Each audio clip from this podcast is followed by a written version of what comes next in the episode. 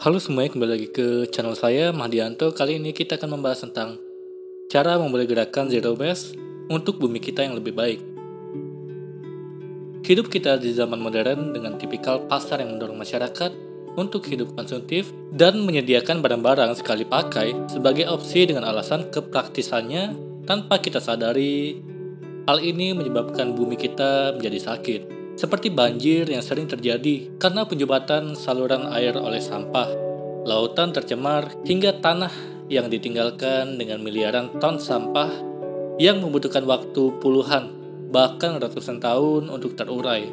Terlebih, ada jenis sampah yang tidak dapat terurai. Menyadari sistem pengolahan sampah di Indonesia yang belum sampai pada tahap mendaur ulang secara maksimal, dan mengingat gaya hidup konsumtif yang terus meningkat, Lantas, kita membutuhkan suatu solusi agar kita dapat menyelamatkan bumi dari kesakitannya. Saat ini waktunya untuk kita melakukan gerakan zero waste demi menyelamatkan bumi untuk kita dan generasi selanjutnya nanti. Zero waste atau bebas sampah adalah salah satu filosofi yang mengajak kita untuk mendesain dan mengelola produk-produk secara sistematis demi menghindari dan mengurangi jumlah dan dampak buruk dari sampah juga material-material habis pakai.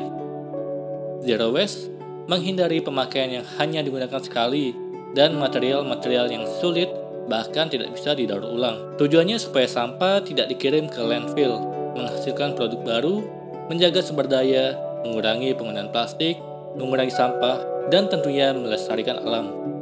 Untuk mengurangi sampah, kita bisa memulainya dari diri kita sendiri, keluarga, dan lingkungan kita. Ternyata, Kantong plastik yang kita gunakan hanya 12 menit membutuhkan waktu hingga 1000 tahun lamanya untuk terurai.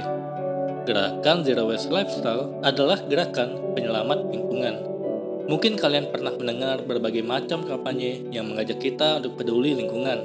Dengan Zero Waste Lifestyle, kita juga berusaha menjauhi kebiasaan menggunakan plastik sekali pakai. Tujuannya agar sampah plastik yang ada tidak langsung dibuang, jadi dengan mengevaluasi gaya hidup kita selama ini, kita akan menyadari bahwa segala hal yang kita konsumsi atau gunakan memberikan dampak negatif terhadap lingkungan kita.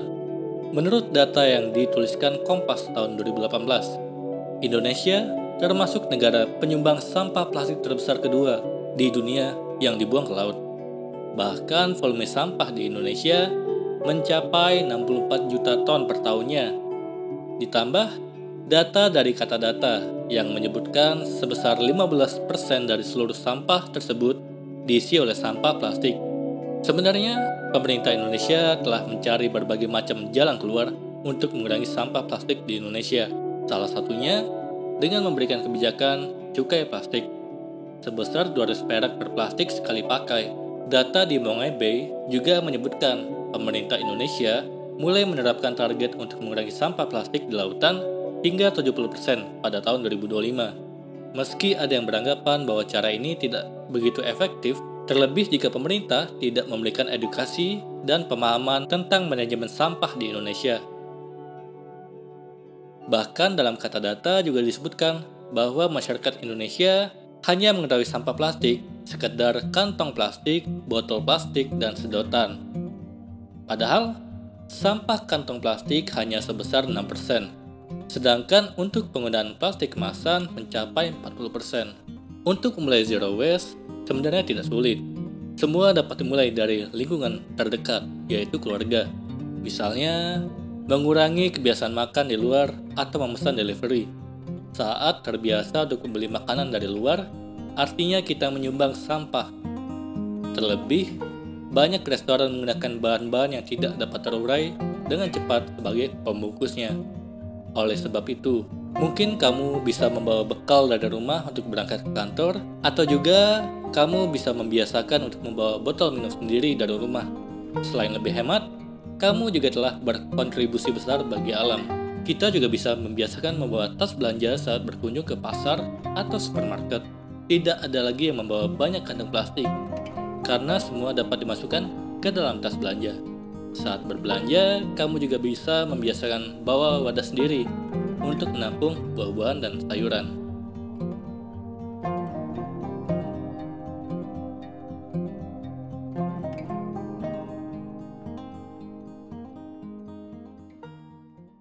Halo semuanya, terima kasih telah menonton video ini sampai akhir.